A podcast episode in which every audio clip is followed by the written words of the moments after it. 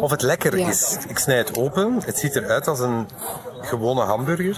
Het is aan de taaie kant wel. En de eerste smaak is lekker, maar de nasmaak is gewoontjes. We zitten op de barbecue van VRT Nieuws en Xavier Taverne kiest voor een hamburger. Ik eet heel graag vlees. Ik ben de zoon van een slager. Dus dat is er eigenlijk met de paplepel ingegoten. Maar ik heb hem toch iets anders laten proeven dan gewoonlijk. Geen gewone hamburger. Waarom ik hem dat gevraagd heb? Dat vertel ik je in de eerste aflevering van deze podcast. Dit is Ons Klimaat.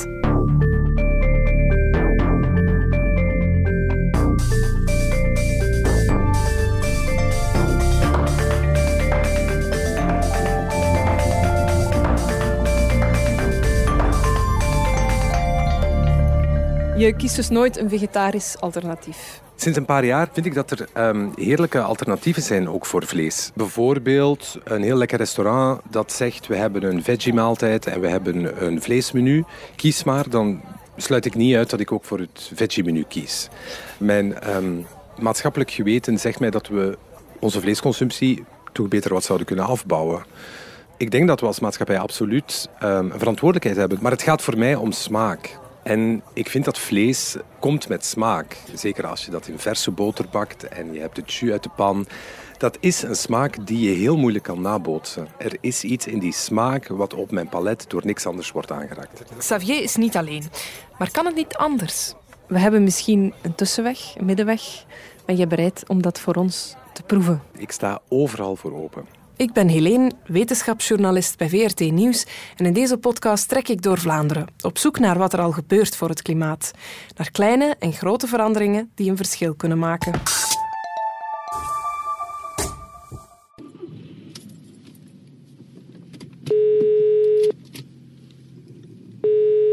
Met Vincent.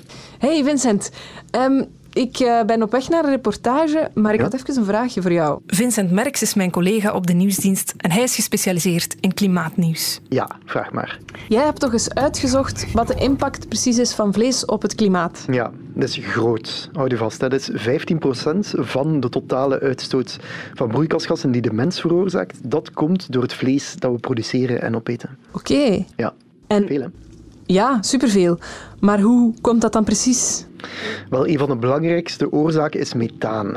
Ken je methaan? Uh, ja, een sterk broeikasgas? Ja, een zeer sterk broeikasgas in vergelijking met CO2. Uh, eh, zeer sterk broeikasgas en dat ontstaat uh, in de magen van runderen wanneer dat die gras verteren. Um, dat is eigenlijk de belangrijkste oorzaak. Daarnaast heb je ook nog het regenwoud dat bijvoorbeeld ontbost wordt om daar dan soja te planten. En die soja voederen wij dan aan onze koeien. Dus koeien zorgen voor methaan en ontbossing, maar wat dan met de andere soorten vlees? Uh, wel, bijvoorbeeld uh, kip. Dat is eigenlijk vanuit klimaatoogpunt uh, de, de meest klimaatvriendelijke vleessoort die je kan eten. Um, varken zit ergens tussen koeien en kippen. Um, en dan heb je schaap en lam, dat vermijd je eigenlijk ook beter. Dat is ook al vrij slecht voor het klimaat. Nu, die dieren die zorgen voor vlees, maar ook voor zuivel. Kaas, melk, yoghurt, um, dat heeft ook allemaal een vrij grote klimaatimpact. Dus ik ben vegetariër grotendeels voor het klimaat, maar ik eet wel kaas. Dat is niet slim. Nee, eigenlijk niet. Oké. Okay. Dat beperk je beter ook.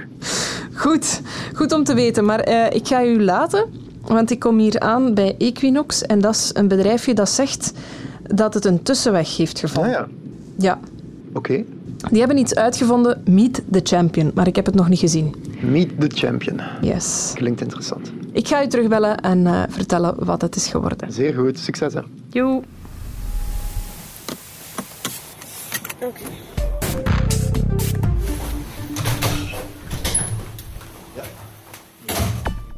Hallo, we hadden een afspraak met meneer Peters. Ja. Goedemorgen. Meneer Peters? Ja. Christophe Peters is zaakvoerder van het bedrijf. Hij was op zoek naar iets nieuws om mee te zijn met zijn tijd. Ja, uiteindelijk is daaruit gekomen dat wij gehakt gingen maken op basis van oesterzwammen. Niet met het idee om 100% vlees te vervangen, maar met het idee om een vleesbereiding, een lager vleesgehalte of een hoger uh, aandeel plantaardige ingrediënten te bezorgen. We hebben gekozen voor oesterzwamstelen, omdat dat iets is. Ja, oesterzwammen worden in België en in de nabijheid van België geteeld. En die stelen, ja, de mensen kopen oesterzwammen, ze kopen niet te stelen. Allee, dat, dat ziet eruit gelijk een vuist en daar staan dan verschillende oesterzwammen op. Uh, maar die hebben een zeer vezelachtige textuur. En eigenlijk vonden we dat een heel goed product om mee te werken. Op tafel staat hier een verpakking met wat jullie maken, dus wat hier buiten gaat. En ik zie ook, het zijn echt, het lijkt wel een beetje opgehakt. Hè? Van, van structuur, van vezeltjes, van uh, vettigheid, als ik het zo mag zeggen. Uh, ja, misschien op het eerste zicht. Ja, het kleur is wat verschillend. Het is ook niet vettig, want ja, er, er wordt geen uh, olie aan toegevoegd en oesterzwammen bevatten geen vetten. Het is eigenlijk een, een, een, vast product in blok. Het is de bedoeling dat het meegemalen wordt met het vlees. Dus iemand die een receptuur heeft voor een worst of een hamburger, die kan zijn receptuur behouden en kan, als hij nu in één batch 20 kilo vlees gebruikt, kan hij daar bijvoorbeeld 5 kilo of 10 kilo van ons product gebruiken om het vlees te vervangen. En dan heeft hij een eindproduct dat eigenlijk weinig zal afwijken van zijn oorspronkelijk product. Heb je enig idee hoeveel CO2-uitstoot of op andere manier dat je in duurzaamheid bespaart? Niet berekend, maar ja, we gaan uit als je een reststroom kunt verwerken in plaats voor andere zaken ja, te gebruiken of, of, of, als afval te moeten dienen, ja, dan we zijn die informatie ook verder aan het uitzoeken en aan het fine-tunen.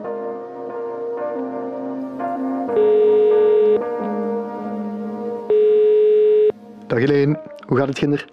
Ja, goed, uh, maar ik wil toch even uw hulp vragen, Vincent. Oké. Ja, vraag eens. Die man heeft nooit berekend hoeveel CO2-uitstoot hij eigenlijk bespaart door met die oesterzwammen te werken in plaats van met vlees. Ja. ja dat verbaast me niet. Nee? Nee, het onderzoek daarnaar dat staat echt in zijn kinderschoenen. Uh, daar is eigenlijk heel weinig over geweten. Um, nu, allee, als je een beetje rondkijkt naar de studies die er zijn, dan kom je zo cijfers uit van ja, de impact van paddenstoelen is 40 keer kleiner dan rundgehakt of duizend keer kleiner. Dus dat is, ja, dat is die gigantische vork. Ja, dat is ook heel vaag dan. Dat is super vaag. Maar ik denk dan, weet je, ehm, zelfs als je van de 40 uitgaat, de onderkant van de vork, zelfs dat is al een, grote besparing. Hè. En dat blijft voor mij vaag. Wat moet ik mij daarbij voorstellen? Ja. Uh, wel, ik denk dan bijvoorbeeld aan één uh, onderzoek van het World Resources Institute, dat is een NGO. En die hebben ooit de denkoefening gedaan, wat zou er gebeuren als we alle hamburgers in Amerika voor een derde van paddenstoelen maken. En die kwamen dan uit, wel, dat is ongeveer hetzelfde als 2,3 miljoen wagens van de weg halen. 2,3 miljoen? Ja, dat is, als je het nog concreter wil, dat is een derde van het Belgische wagenpark. Oké, dat klinkt inderdaad als een gigantisch verschil. Hm. natuurlijk op voorwaarde dat heel veel mensen dat dan willen doen. Ja. Ik ga het eens bespreken met Christophe. Alright. Veel mensen zijn bezig met het idee dat ze hun, hun, vleesconsumptie wat willen minderen. Maar uw, eetgewoonte aanpassen, ja, dat is niet fijn, dat is niet gemakkelijk. En eten moet toch altijd iets plezants zijn, vind ik. Dus vonden we ja, dat concept het idee van ja, gebakken een hamburger of een worst, dat ziet er net hetzelfde uit als die andere worst. Je moet dat op dezelfde manier bakken. En wanneer je het opeet, proef je hetzelfde. Dat is een, een oplossing voor de consumenten die eh, om eender welke reden eh, zeggen van ja, ik ga wat minder vlees consumeren. Het is niet omdat wij in een vleesfabriek werken dat vlees heilig is, maar het is niet dat ik tel, we hebben deze week twee keer vlees gegeten of drie keer of vier keer. Nee, ik doe boodschappen en, en afhankelijk wat, dat er, uh, wat, wat ik zin in heb, is dan een keer vis, is dan een keer iets plantaardig. Dan kopen we dat, maar het is niet dat dat taboe is bij ons om uh, geen vlees te eten. Ik, mijn vrouw eet trouwens geen vlees, dus allee, we zijn totaal geen uh, extremisten. En zijn de kinderen enthousiast over de Meet the Champion burgers? Mijn kinderen, de, ja, die, die willen graag vlees, die maken van hun oren als er niet genoeg vlees op tafel staat. Maar enfin, proberen daar ook wel een beetje het gezond verstand in, uh, in binnen te lozen. Christophe stuurt mij naar Norenka. Daar maken ze de hamburgers van het oesterzwam gehakt. We stappen nu binnen in de productieruimte. Die satés. Gert van de Poel wacht me op tussen de rekken vol met hamburgers en worsten. Hij ontwikkelt nieuwe producten voor Norenka. Hoeveel uh, kilo's rollen er hier zo buiten? Ik denk dat wij dit jaar toch een, uh, ja, toch alles bij elkaar sinds de opstart dat daar toch een, eh, een 50, 60 ton is buiten gegaan. En hoe zie jij de toekomst? Je spreekt over overleg met Colruyt maar denk je dat dit echt een product is dat, het, dat in de markt gaat eh, landen, zeg maar? Ja, ik denk, het, ik denk het wel eerlijk gezegd. Ook omdat het een product is dat, uh, dat inderdaad de traditionele gebruikers nog erg aanspreekt. Zijn mensen daar klaar voor? Ja, omdat het verschil niet op te merken valt. En uh, zeker collectiviteiten, rusthuizen, kinderdagverblijven, waar we toch iets willen doen aan, uh, aan stikstof en CO2. Gert, die gelooft erin. Maar de situatie is toch niet zo rooskleurig. Toen ik de fabriek bezocht, werden de hamburgers nog geserveerd in rusthuizen en kinderdagverblijven. Maar dat werden uiteindelijk geen vaste klanten. En ook uit de supermarkten zijn ze snel weer verdwenen. Hoe komt het dat die zwamburger zo weinig succes heeft? Volgens Christophe speelde de coronacrisis een rol. Ik vraag een second opinion aan een marketing-specialist, Gino van Ossel van Vlerik Business School. Dat kan zeker een stukje een uh, verklaring zijn, want we liepen dan uh, met een mondmasker uh, rond in de winkel. Er waren een tijdje geen promoties. Het was ook altijd heel druk, hè, want de horeca was gesloten. Ja, dan sta je minder open voor nieuwe dingen. Maar tegelijkertijd vrees ik toch uh, dat daar ook andere redenen zijn. Ik weet niet of de consument hier nu echt zit op te wachten. En als ik daar nog een voorbeeldje mag uh, bij geven. We kennen allemaal Pascal Nasus, uh, Sandra Beccari, Internationalen, Otto Lengi. Dat zijn allemaal iconen van die beweging die zeggen van nooit meer diëten, gezonder eten, meer groente eten. Maar het mag wel nog lekker zijn. En ik wil absoluut niet beweren dat die hamburger met uh, oesterzwammen niet uh, lekker zou zijn. Maar het sluit niet aan bij dat idee van eet datgene wat je lekker vindt. En zonde hoort daar ook bij als je dat maar niet alle dagen gaat doen. In welke mate is het klimaat uh, en het besparen in broeikasgassen de reden voor mensen om minder vlees te eten? Vandaag is het zo dat relatief weinig consumenten echt stilstaan bij de, de klimaatimpact van de vleesconsumptie. Uh, we noemen dat in het jargon wel eens een keer de donkergroene consument. Dat is hooguit een 10% van de bevolking. Terwijl een meerderheid wel lichtgroen is. En dat zijn mensen die geen compromissen willen sluiten. Die dan zeggen, ja, ik zou liever met de trein reizen, maar het is duurder en het duurt langer, dus ik pak toch maar het vliegtuig. En het zijn enkel uh, die donkergroene consumenten die klimaat als een belangrijke reden naar voren schuiven om minder vlees te consumeren. Terug naar die zwamburgers zelf. Gert zegt dat hij het verschil met een klassieke burger niet kan proeven. Maar voor ik het geloof, wil ik natuurlijk zelf eens proeven. We hadden er graag eens geproefd. Mogen we er enkele meenemen? Uiteraard. Bingo. Ik heb de hamburgers en er is een barbecue met de collega's van VRT Nieuws. Of het lekker ja, ja. is. Ik snij het open. Het ziet eruit als een gewone hamburger. Het is aan de taaie kant wel. En de eerste smaak is lekker. Maar de nasmaak is gewoontjes. En gewoontjes, gewoontjes als in, zoals in een gewone hamburger of nee, saai? En... Saai. Als een hamburger die je drie keer hebt gebakken. Zo daar een beetje. Hij ligt ook wel al even in de, in de warmhoutschuif. Mogelijk omdat hem drie keer gebakken Oké, okay, dus in die zin beantwoordt hij aan alle verwachtingen van een gewone hamburger. Het lijkt uh, heel erg op een gewone hamburger hoor. De textuur is perfect. Stel dat je nu in de winkel staat voor het rek. Ik zou hem direct kopen. Deze ligt naast ah, ja, de hamburger. Ik zou dan al met deze pakken. Micha? Direct. Ja, ik zou deze pakken. Zou ik mijn geweten moeten aanspreken? Mijn geweten zou dan kiezen voor de half green gewassen hamburger die voor mij ligt.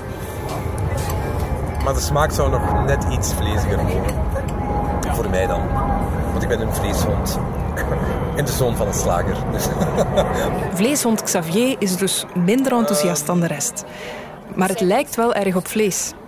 En het lukt de collega's blijkbaar niet om te raden waar het van gemaakt is. Soja of van uh, krekels of van. Of is hij 3D geprint? Dat zou ook kunnen. Dat was te duur voor onze podcast. Oké, okay. uh, maar zoiets. De helft is vlees. De helft is vlees, ah.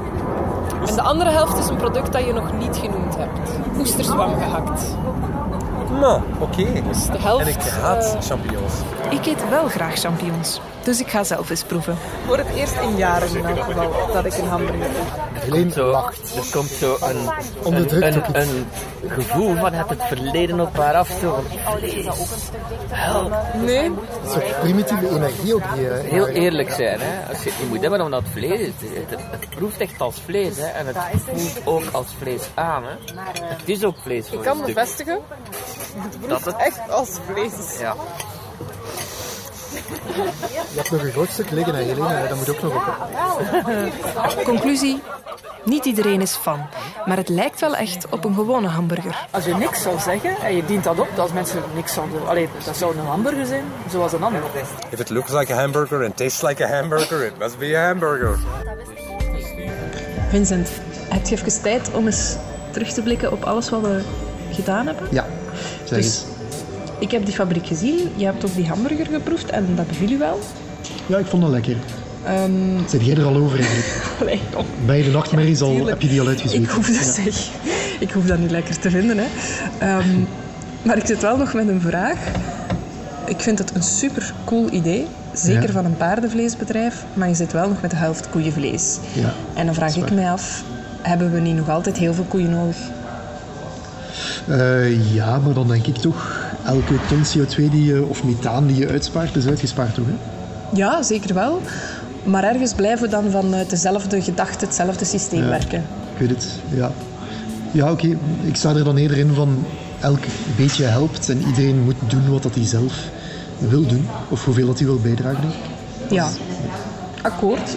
Zetten we dan eens op een rijtje wat je kan doen als je dat wil. Ja. Alright, dus punt 1.